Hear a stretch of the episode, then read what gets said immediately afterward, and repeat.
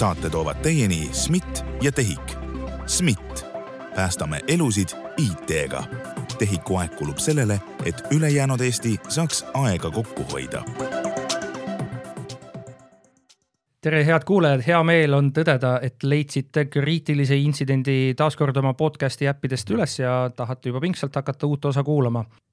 ma ütlen ausalt, otse ja ausalt, esialgu oli plaanis ähm, tänast saadet natukene teistsugusena teha, aga kuna äh, sellele eelnenud päeval, kui me salvestame, tuli välja uudis, et taaskord on üks äh, merealune sidekaabel, mis on, mis jookseb Eestist äh, siis Rootsi, on kahjustada saanud, siis ma ei saa kuidagi üle ega ümber sellest, et natukene pean fookust saatel ikkagi muutma.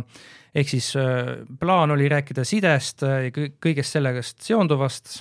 Me kindlasti teeme seda, aga natukene ikkagi tahaks merealustest sidekaablitest ka rääkida. ja sel teemal on saates äh, meil külas Tarbijakaitse ja Tehnilise Järelevalve Ameti sideosakonna juhataja Oliver Kailan, tere. tervist. mina olen saatejuht Ronald Liive. ma siis alustan pehmemalt ja ma küsin et kui on nii-öelda tavapärane olukord, meil ei ole ühtegi merealust sidekaablit katki tõmmatud kuskilt või katki läinud, me tegelikult ei tea ju, mis on seal juhtunud, keegi pole otseselt öelnud, et keegi oleks meelega katki teinud. Nii et seal on ka võimalused tõesti, et ma ei tea, kivid on vastu läinud või midagi sellist. milline see teie igapäevane töö välja näeb? no kui me räägime toimepidevusest, et teenused toimiksid, siis tegelikult igapäevane töö ongi see, et me oleme valmis võtma vastu teavitusi kui midagi juhtub sideettevõttel, eh, neil on kohustus anda meile teada intsidentidest ja sõltuvalt siis intsidendi suurusest me siis eh, kas võtame selle teadmiseks või siis anname selle info edasi kuskile kõrgemale. et see on niisugune iga, igapäevane töö, ütleme, selle intsidentide vallas ja noh, loomulikult on meil ka selline üli, üldine toimepidevuse järelevalve, et me vaatame, kas nii-öelda akud, generaatorid oleks tagatud niimoodi, nagu õigusaktid nõuavad et see on niisugune li-, lihtsustatult öeldes igapäevane töö. nii et te käite mingi regulaarsuse tagant sideoperaatori mastides vaatamas, mis seal reaalselt toimub? Ja et me teeme ka põllu peal järelevalvet, sel aastal näiteks oli meil täiesti äh, kontrolliplaan, kus me käisime, vaatasime, kuidas on tagatud tugijaamade toide äh, maapiirkondades, kuidas on tagatud toide nii-öelda keskjaamades, et äh, täiesti reaalseid tegevusi teeme, jah. Ja kuidas siis on, kui palju neid telekomide poolt teavitusi on teile tulnud, et kuskil nüüd põhjusel või teisel on side maas või side häiritud? No ütleme, et kui side läheb maha, siis äh, tunneb seda ka noh, tihti väga palju inimesi.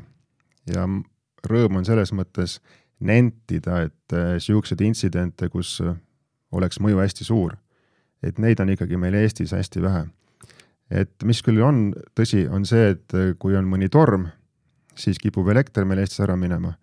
ja see mõjutab sidet noh, küllaltki märgatavalt. Aga kui me räägime sellest, et, et nüüd sidevõrgus endas midagi juhtuks, mõni seade läheks rikki, mingi tarkvaraviga, et selliseid suure mõjuga intsidente noh, on ikkagi väga-väga vähe. kas sellised juhtumid ka või sellised kaasused, kui kuskil tee-ehituse või majaehituse käigus kopamees tõmbab kaabli läbi, see on ka teema, millega seoses siis peab TTJA-d teavitama või see on juba selline tavapärane asi, et siis veel teavitama ei pea? No sõltub, et äh, milline on selle intsidendi mõju, et kui noh, tihti on ka niimoodi, et side ei ole ainult ühe kaabli taga, et ta käib erinevaid teid pidi, asjad on dubleeritud või isegi rohkem, aga jah, sõltub olukorrast, et kui on mõju niisugune märgatav, oluline, siis, siis on, siis teavitatakse, jah. teavituskohustus, kas seal on ka mingi ajaaken pandud, millise aja jooksul peab see teavitus tulema? no ta ikkagi peaks suhteliselt äh, kohe tulema ja no ütleme mõistlikkuse piires, et äh, nii, nii, nii ruttu, kui selle teate jõuab koostada. et me äh, räägime tundidest, mitte kümnetest tundidest või päevadest no mõnikord on ka niimoodi, et tuleb ta päev hiljem, et see kõik sõltub, kuidas see on, kuidas on nagu need teavitamise võimalused, alates sellest põllu pealt, kus see intsident juhtus, kuni siis lõpuks ta kuskilt eri kanaleid pidi jõuab, et jah. aga see merealune sidekaabel, seitsmendal või tähendab, eh, meil vist oli juba kuupäevaliselt kui ma nüüd ei eksi, kui ma võtan kalendri lahti ja vaatan, oli vist kümnes oktoober, kui avalikkus kuulis sellest, et sidekaabel, merealune sidekaabel, mis siis jookseb Soome ja Eesti vahet, on kahjustada saanud. see nädalavahetus, mis eelnes sellele, millal TTJA sellest siis kuulis, kas teie kuulsite ikkagi varem? meie kuulsime ka sellest nädalavahetusel. Ja mida te siis tegema hakkasite? no me teavitasime sellest, nii nagu reeglid ette näevad, siis ka ministeeriumid ja nii edasi, et selles mõttes info, info sai kiiresti edasi antud. ja see kõik, mis sellele järgnes, on teada see, et MKM-i palvel Eesti merevägi läks seda sidekaablit kontrollima, see on juba MKM-i pärusmaa ja see ei, ei kuulu, ei, ei ole nii-öelda teiega kuidagi seotud? jaa, seda ma tõesti ei oska öelda, et kelle palvel nüüd, kes midagi tegema hakkas. Et meie ülesanne oli see, et veenduda, et see ei mõjutaks kuidagi Eesti side töökindlust, toimepidevust. et meil oli tihe kontakt ka sideettevõtetega ja me saime tegelikult selle veendumuse, et see intsident hetkel ei mõjuta küll ta ei mõjutanud antud hetkel ja nüüd pärast seda ja ei nüüd, ole ka mõjutanud? nüüd ka ei mõjuta. et eh, tegelikult neid merekaableid meil välismaailmaga ja üldse ka maakaableid on eh, üheksa tükki ja see, kui ühes midagi juhtub, see, see ei ole nii-öelda suur intsident selles mõttes, et, et oleks tal mingi mõju tunda inimeste tava nii-öelda elus või, või sidetarbimises. et selliseid juhtumeid, kus üks kaabel läheb katki, noh, neid on ajaloos olnud päris mitu kas selle aja jooksul, kui teie olete TTJA-s töötanud, olete te saanud palju teavitusi analoogsetes situatsioonides, kus merealune sidekaabel on rikkes? No väga laias laastus öeldes, mul ei ole täpset äh, nimekirja ees, kuskil viimase paarikümne aastaga noh, meieni on jõudnud info ütleme kuue-seitsme intsidendi kohta. ja viimane neist jääb aastate taha jah, jällegi mul ei ole tabelit ees, aga kuskil võib-olla kümme aastat tagasi. Ehk siis see on ikkagi selline erandjuhus, et midagi taolist juhtub, need merealused sidekaablid on siis piisavalt turvalised või kas, kas üldse on mingi regulatsioon ka olemas, mida näiteks TTJ, TTJA siis kontrollib ka merealuse taristu puhul, et jah, sinna ju akusid ei pane ja kõike seda, seda polegi seal vaja, aga et kuidagi kontrolliks, et kõik on ikkagi nii, nagu peab olema? no merealuseid kaableid nüüd niimoodi otseselt TTJA ei kontrolli. Millest me lähtume, on see, et iga sideettevõte, kes siin Eestis tegutseb, ta tegelikult peab hindama riske, hindama neid võimalikke ohtusid, mis teenusele võivad mõjuda ja võtma siis tarvitusele maandamismeetmed. noh, kindlasti üks, üks aspekt on ka see, et ettevõte peab siis vaatama, kuidas ta toimepidevus sõltub sellest, kui mõni kaabel katki läheb, mis meid välisilmaga ühendab. et see lahendatakse nagu sellise ütleme, riskianalüüsi ja siis toimepidevuse plaani kaudu. et, et jah, need merekaablid on nagu erinevat moodi, et kas siis kuuluvad mõnele sideettevõttele, mõnikord Eesti omale, mõnikord välismaa omale, et erinevaid variante on, et need niisugused jurisdiktsiooni poole pealt ka, et on selline kahe riigi vaheline asi, et, et, et, et niisugune päris kodumaine teema see ei ole kui juhtub nii, et mõni neist kaablitest kuulub välismaisele ettevõttele, mis ma saan aru, et vist tegelikult selle teise kaasuse puhul niimoodi on, et seal ei ole tegelikult omanikuks Eesti ettevõte, siis kuidas nendega see suhtlus on, kas on piisavalt operatiivne või nagu sellisest praktikast äh, nüüd nähtuvalt võiks see ikkagi kiirem olla? no piisavalt, no ma ütleks, et ta noh, on parajalt operatiivne, sellepärast et ega merekaabel ja saada aru, mis seal juhtus see ei ole nagu lihtsalt, et nipsust mingi indikaator näitab, et juhtus see või juhtus teine asi. et, et tihti võib ka rike olla mitte kaablis endas, vaid nendes seadmetes, mis on kaabli otstes. et kõik need asjad tegelikult vajavad kontrollimiseks aega ja see, kui mingi teavitus jõuab mõni päev hiljem, seda võib tegelikult pidada täiesti loomulikuks, see teata, mis nagu juhtus. et selliseid seadmerikkeid ja muid asju tuleb noh, ette palju tihedamini et kaabel ise läheb ikkagi katki suht harva või mingisugused parameetrid muutuvad, aga seadmed, äh, nende rikked on nagu tõenäolisemad. kas te oskate meile rääkida, kuidas need merealused sidekaablid seal mere all on? kas nad on mingise betooniga kaetud, kui jämedad need kaablid on, kõike seda? no nende jämedus üldjuhul väga suur ei ole, et nad jäävad ikkagi pigem sinna viiekümne millimeetri kanti kas nad, kas nad on kaetud millegiga? ma, ma arvan, et ei ole. et nad pigem, kui nad kattuvad, siis selle mere enda setetega ja spetsiaalselt nii-öelda maasse neid minu teada ei künta. kas te oskate seda öelda, mm, kas nad on ikkagi, sest kui on nii-öelda tormine meri, siis ka tegelikult merepõhjas ju toimub äh, ikka paras torm. et nad on ikkagi ehitatud selliselt, et nad peaksid vastu pidama tormile. no kindlasti kaabel on, merekaabel peaks olema nii projekteeritud, et ta peab nii soolale, tormile, hoovustele, liivale, kividele vastu, et tal on spetsiaalsed armeerimiskihid, metalliseeritud kihid peal, et need siis kaitsevad kaablit, neid, neid kaablikiude, mis seal sees on keskel siis füüsiliselt kas ma sain korrektselt aru, et TTJA tahab ikkagi igas olukorras, kui on side häiritud, te tahate alati seda põhjust ka teada? no ütleme, et kas on side häiritud või on oht häirete tekkimisele, et alati ei peagi olema see häiritud äh, olukord, et noh, täna meil ei olegi häiritud olukorda. et, äh, et, äh, et, küsimus oli see, et kas me peame ka põhjust teadma ja nii edasi. no nii palju, kui ettevõte tol hetkel teab, mis see põhjus on, nii palju ta võiks ikkagi infot anda, jah. kas te lähete nädal-kaks kuu hiljem küsima, et kuulge, et mis siis nüüd tegelikult oli? jaa, selles mõttes, et selliste intsidentide puhul, kus tegelikult ka ettevõte ise alles saab järk-järgult teada, mis on juhtunud, eh, on täiesti normaalne, et mingi info tuleb hiljem juurde, mingi täpsustus, midagi korrigeeritakse, et see, see on nagu tavapärane praktika. kas ähm aga kuidas on lood sellega, et kui ettevõte ütleb välja, ma ei tea, nende, kui on mõnes mobiilimastis, et aku, et jaa, meil on aku olemas, ärge tulge kontrollima, pole vaja, et me just panime uue, et näe, ma saadan sulle arve ka, vot sellise me ostsime, kas te usaldate lihtsalt pimesi või te usaldate ja kontrollite? no siin me lähtume sellisest üldisest nagu riskihinnangust, et et riigil kindlasti ei ole nii palju ressurssi, et me käime läbi kõik tugijaamad ja vaatame üksipulgi läbi, et see ei oleks mõistlik maksumaksja raha kulutamine. küll aga meil on omad plaanid, mille järgi me neid äh, järelevalvet teostame. See muuhulgas äh, hõlmab ka seda, et me küsime kirjalikult andmeid, et saadaks nad kõik nii-öelda noh, aruande vormis, mis nad on teinud, siis me pisteliselt vaatame, äh, kuidas on olukord ka reaalsuses, et selline mitmetasandiline selline järelevalve käib.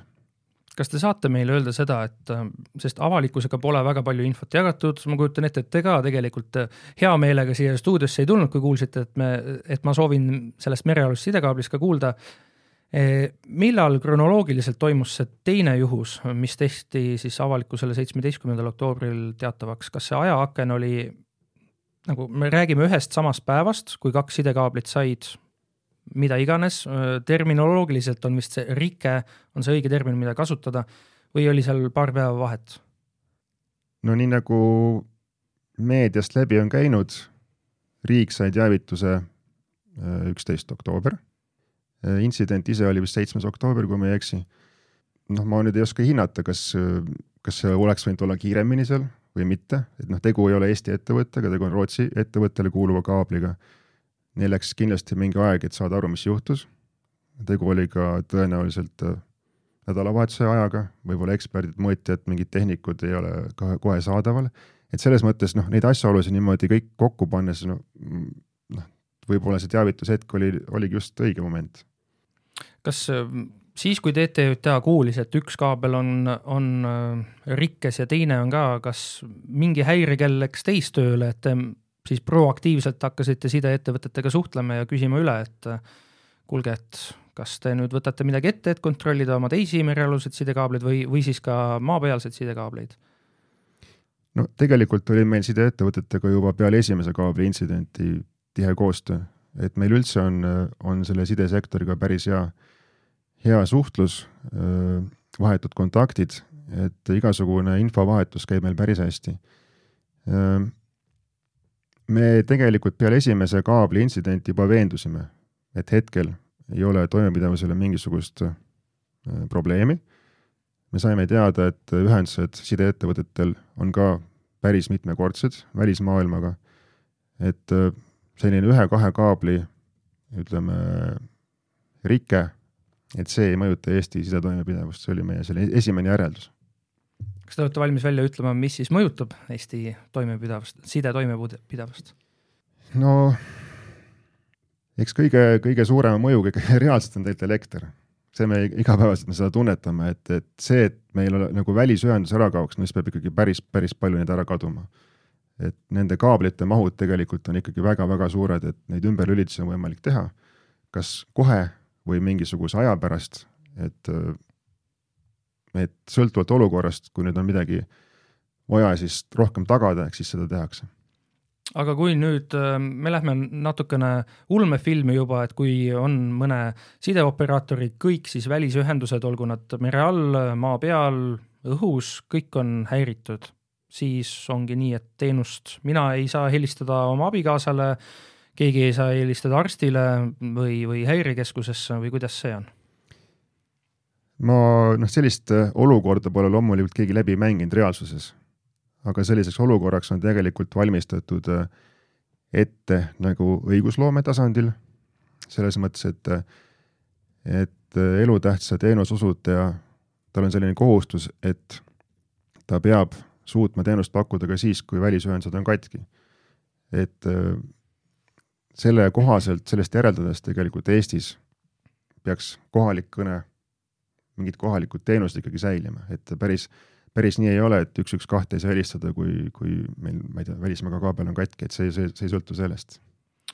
on üks selline asi nagu äh, terminoloogiliselt ma võin eksida, aga minu teada oli selle asja nimi äh, riigisisene roaming, mida siis Ukraina on äh, rakendanud alates äh, eelmise aasta kahekümne neljandast veebruarist. minu teada on Eestis ka see tööl, kui kaugel see on? No antud konkreetne ettepanek, et Eesti võiks ka oma riigis selle rakendada. et mm, selle nii-öelda juriidiline analüüs näitas, et selleks on vaja muuta seadust. et seaduse muutmise ettepanek on töös, ta on esitatud, nüüd lihtsalt sõltub sellest, kuidas ta siis seal nii noh, nii nagu seaduse menetluse protseduur ikka ette näeb, et ministeeriumide ja valitsuse kuni Riigikogu tasemeni välja, et kuidas ta siis nagu menetlub seal, menetlub aga kuidas turuosalised ehk siis sideettevõtted, nemad äh, olid kahe käega selle poolt?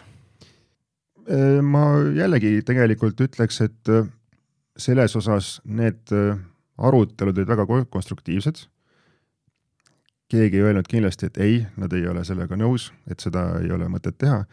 pigem, pigem leiti, et see on vajalik ja kõigile kasulik ja, ja selles mõttes, et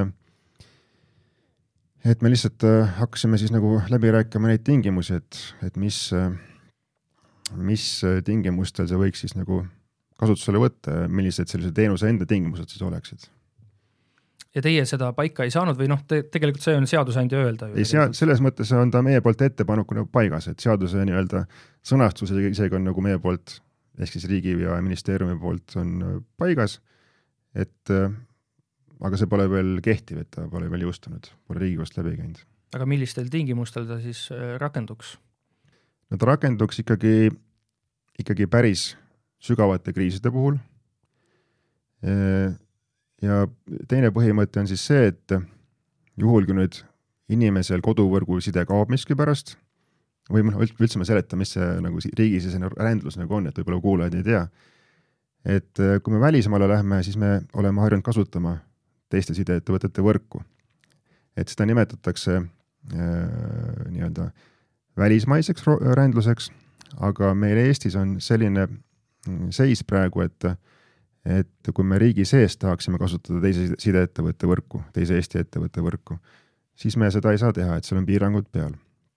et äh, noh, ühest küljest pole Eesti tulu seda ka vaja, sellepärast et äh, kõik sideettevõtted omavad üle territooriumi korralikku levi aga äh, see tulebki äh, küsimuse alla just siis, kui on mingisugune kriis, et kui näiteks ühe sideettevõtte võrk mingis piirkonnas on katki, ei tööta, on häired, siis äh, saab nüüd selles piirkonnas selle sideettevõtte klient valida telefonimenüüst näiteks teise sideettevõtte teenuse, oletame, et ma olen näiteks Tele2 klient, saan valida Elisa teenuse ja see asi töötab.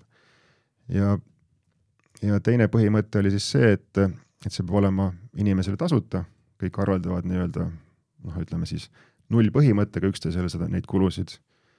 ja et siis võrk koormusele vastu peaks, on siis ka sätestatud see, et kiirust võib piirata noh, kuni ühe megabitini sekundis, kui vaja ehk siis see ei oleks selle jaoks mõeldud, et kui on tõesti mingine kriis, väga suur ähm, jama on majas, et siis ma saaksin hakata Netflixist vaatama mingit äh, seriaali, vaid see on selle jaoks, et kui mul on vaja häirekeskusse helistada, kui mul on vaja oma lähedastele anda kas mõni rõõmusõnum või mitte nii rõõmus sõnum.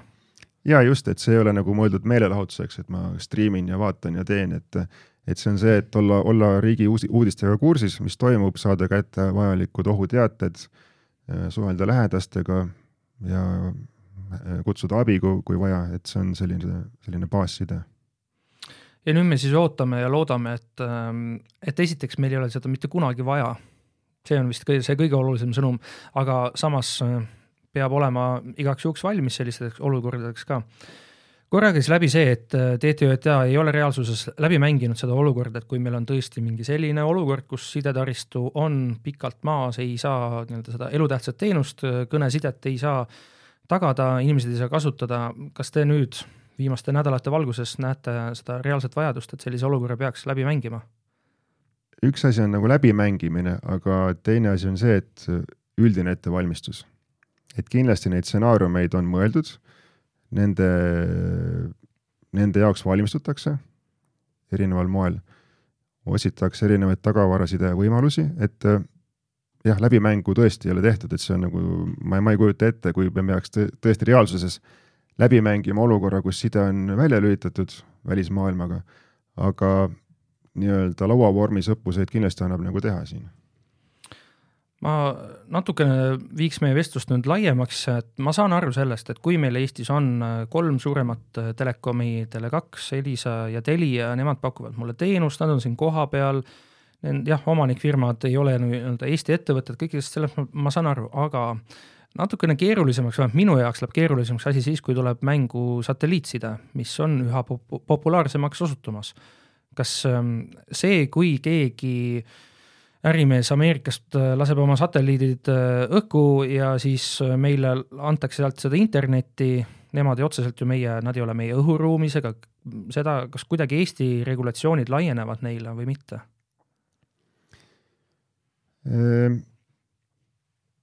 Iseenesest äh, teatud regulatsioonid laienevad, kindlasti, mis puudutavad tarbijaõiguseid, äh, siis äh, ka ütleme, turule sisenemise regulatsioon, ehk sa pead teavitama riiki, et sa sisened sellele turule.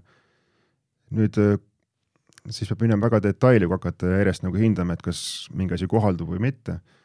et elutähtsa teenuse osutajaks saab ettevõte siis, kui tal on vähemalt kümme tuhat lõppkasutajat Eestis. et äh, ma arvan, et satelliidipakkujatel veel nii palju ei ole. ja, ja selles mõttes see on see praegune seis nii et kui neil ähm, on käputäis kasutajaid, on alla selle kümne tuhande ja nemad otsustavad, et nad nüüd piiravad läbi oma ühenduse mõnele teatud veebilehele ligipääsu mida iganes nad seal veel teevad, siis ongi lihtsalt juriidiliselt on kõik korrektne, et TTJA ei saa minna öelda neile, et kuulge, et nii ei tohi teha. no need on sellised väga teoreetilised olukorrad, et, et iseenesest Euroopas kehtib ka selline avatud interneti regulatsioon või määrus, mis siis nagu tähendab seda, et sideettevõte ei tohi ise suvaliselt piirata kas siis mõne aplikatsiooni kasutamist või, või mingit tüüpi liiklust, et noh, ma arvan, neid kaasuseid vist pole päris reaalsuses veel juhtunud või vähemalt meie lauale pole jõudnud, aga noh, siin ikkagi mingid taustaregulatsioonid kohalduvad, et aga siin peab tõesti hindama, hindama, kuidas ja mis jurisdiktsioon täpselt kohaldub, et see on nagu selline päris keeruline juriidiline töö. aga jah, et äh, ma arvan, et midagi nagu on, millega saaks sekkuda, aga jah, see on jah, niisugune juriidilise analüüsi küsimus.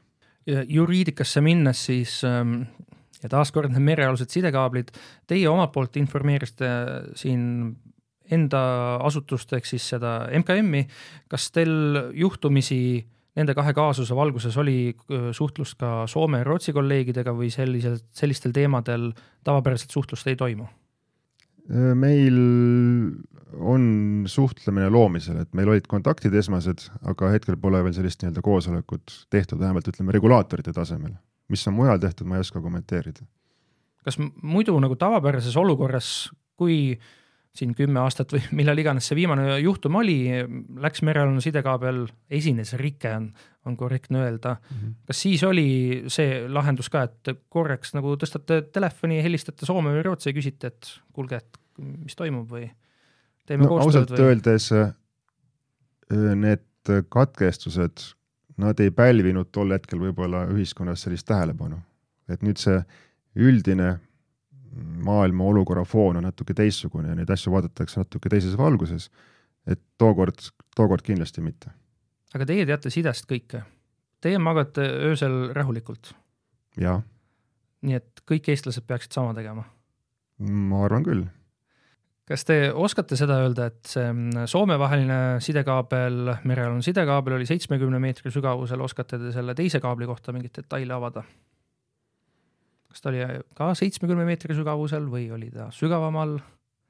ma ei, ei tea tõesti. ei valmistanud ette neid küsimusi niimoodi, et, et kohe vastata. siis ma küsin seda, mida on poliitikutelt praegu küsitud, küll mitte selle sidekaabli kohta, vaid selle gaasitoru kohta. kas te olete näinud pilte rikkes olevast sidekaablist? ei, mina ei ole näinud ei, ei gaasitorust ega sidekaablist. kas tavapärases olukorras te peaksite nägema? või teile piisabki sellest, kui teile öeldakse, et mis seal on ja no, see pilt ütleme, ei annaks nagu midagi juurde? ma vastaks sellele niimoodi, et, et seda intsidenti uurib, uurivad teised asutused, et noh, nemad kindlasti nagu näevad seda infot.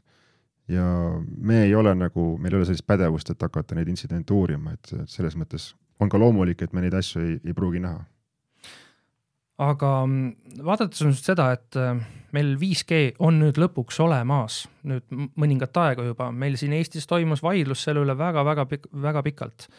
mida TTJA veel teeb sideteema osas?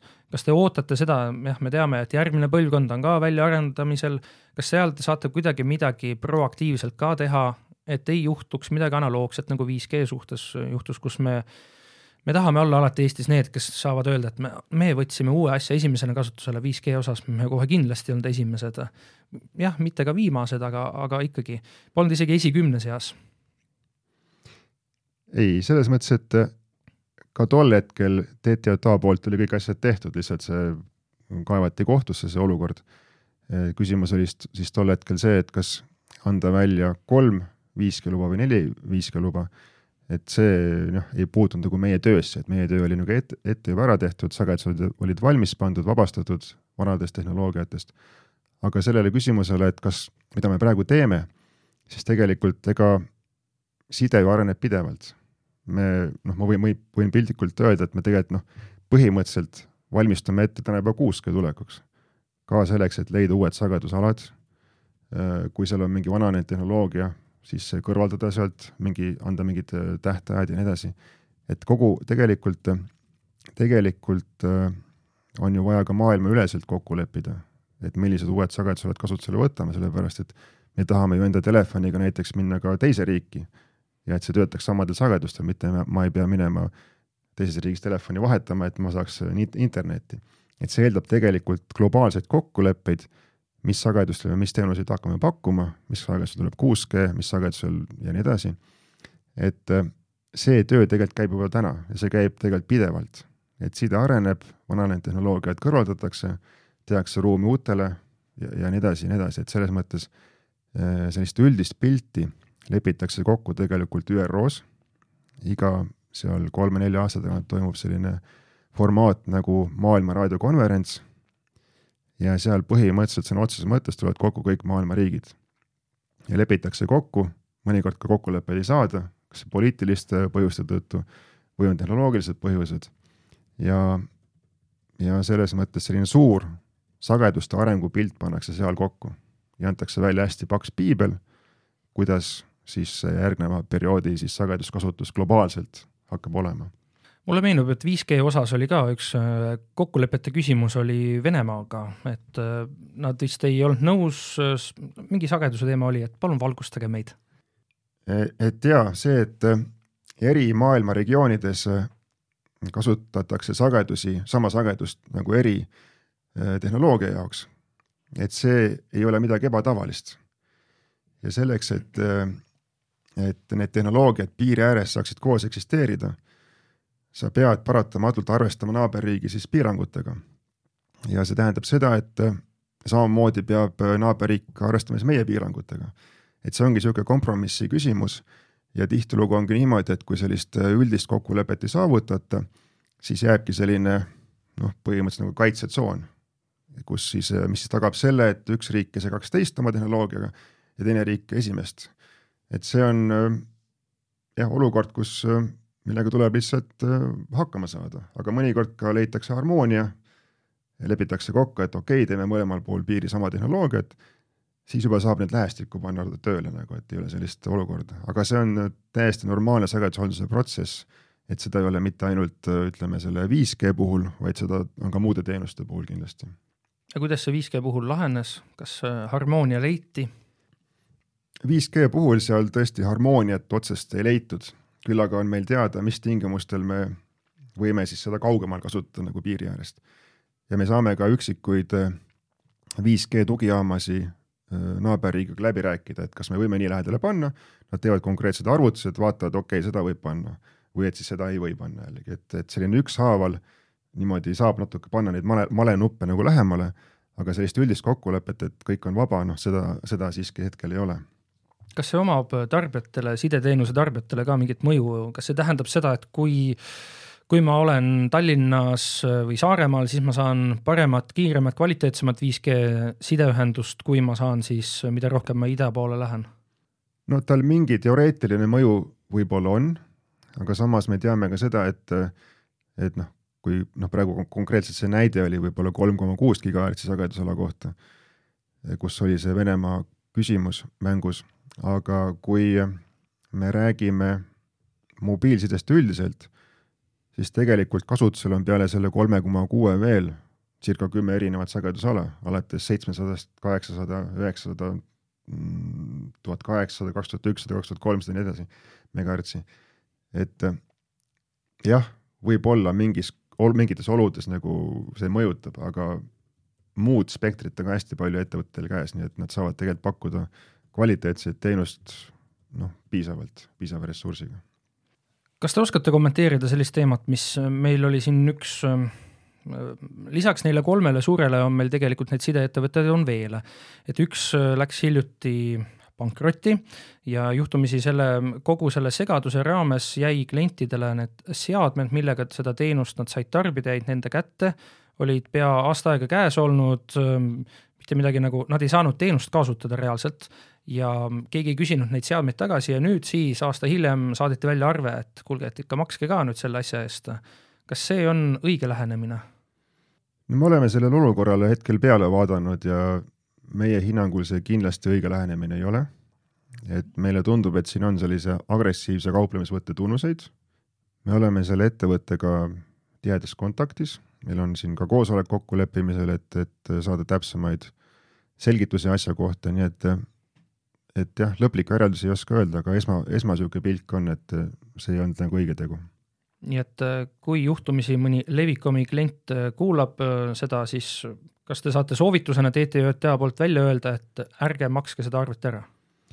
no ma ei saa niimoodi öelda, et ärge makske, et, et selles mõttes meil on menetlus veel pooleli, küll aga kui inimene tunneb, et talle on liiga tehtud, siis tegelikult võib pöörduda Tarbijakaitse ja Tehnilise Järelevalve Ameti juurde tarbijavaidluste komisjoni ja siis seda kaasust seal lahendatakse et jah, see on see soovitus, mis ma praegu saan öelda. vähemalt ärgitate siis üles seda avaldust seda tegema. kriitiliselt nagu vaatama, seda olukorda, et kas, kas see kas see nii-öelda meeldetuletuskiri või arve, mis iganes saadeti inimesel, kas, kas inimene tunneb, et see on ikkagi õigustatult saadud või mitte, et kui, kui ta hindab, et mitte, siis, siis võiks jah pöörduda üks asi, mida veel väga palju oleme tänases saates kuulnud seda, et, et suuresti TTJA teeb seda, mida ühel hetkel poliitikud otsustavad või ütlevad, et nüüd peab tegema. praegused poliitikud või siis need, kes meie riiki valitsevad, on oma koalitsioonilepingus ka välja öelnud, et seda sideteemat, sellele lähenetakse paremini kui varem, ehk ütleme nii, et ei, ei tekiks seda olukorda, et kui kuskil ehitatakse uus maantee või tee, et et ehitatakse tee ära nädala aja pärast või kuu aja pärast tuleb sideettevõte, ütleb, kuule, aga ma tahaks tegelikult kaablit ka sinna panna. kuidas äh, see teema TTJA-ga seotud on? kas teil on ka roll mängida? no ütleme, et see õigusruum, et selline ühisehitamine saaks sellisel viisil, nagu te ütlesite, teoks, et tõesti ka maanteede sees või maanteede muldkehas juba oleks olemas võimalus sisetaristu ehitamiseks või, või, või paigaldamiseks, et see on veel tegelikult väljatöötamisel nagu sellised detailsemad tingimused kokkuleppimisel, kuna maantee ehitusnormid ja kõik muud asjad, et see, see on nagu aktuaalne teema hetkel. ja kui me vaatame Euroopa poole pealt, siis ka Euroopa selline üks initsiatiiv on, on see, et sellist igasugust koos ehitamist tuleks nagu soodustada. just selleks, et tagada, et Euroopas selline äh, kiire interneti kiire levik ja selline kiire liikumine siis gigabitti ühiskonna poole, et selline Euroopa, see on Euroopa poolt praegu päris aktuaalne selline suund.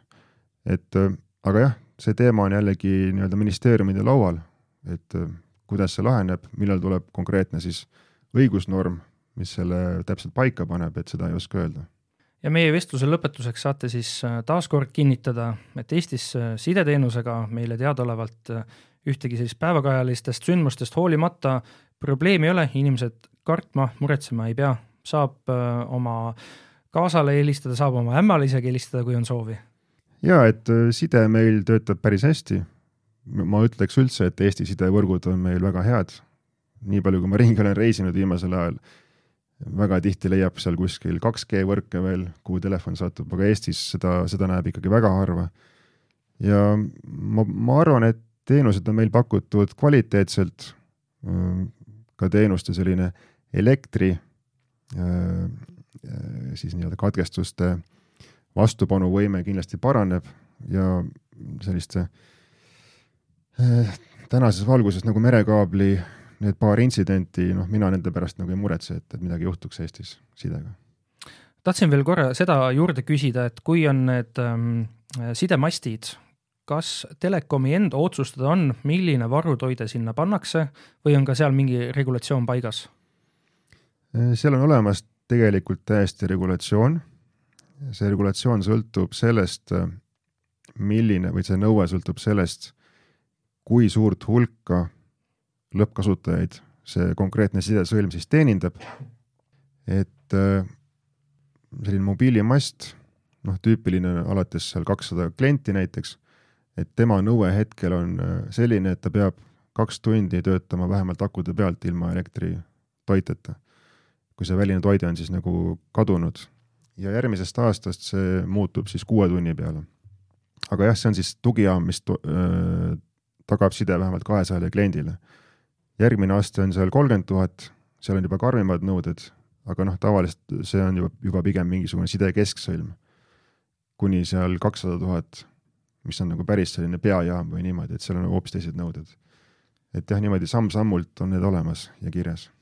et paika on pandud selline klientide hulk, ja siis see ajaraam, et kui pikalt peab see sidemast veel tööd jätkama, aga tehnoloogiliselt ei ütle ette, et siin peab olema nüüd diiselgeneraator või teadupärast on siin äh, üha rohkem operaatorid vaatamas äh, vesinikutoitel äh, variantide peale ja et see regulatsioon ette ei ütle, kas peab olema aku või generaator, et jah, tõepoolest siin ma olen näinud mastide küljes ka tuulegeneraatoreid, mida on meile demonstreeritud, ka päikesepaneele, suuremaid akusid, ma tean, et tehakse katseid vesinikuga et äh, variante on päris palju, kuidas energiat saada tänapäeval.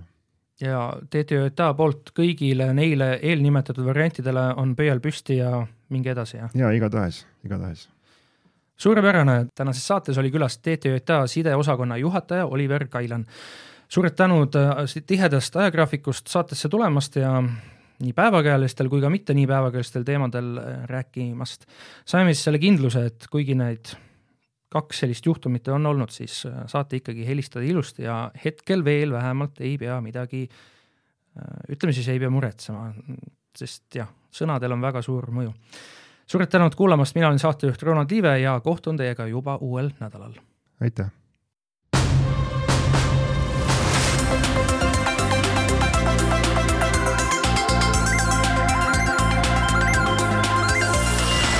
Saate toovad teieni SMIT ja TEHIK. SMIT, päästame elusid IT-ga. tehiku aeg kulub sellele, et ülejäänud Eesti saaks aega kokku hoida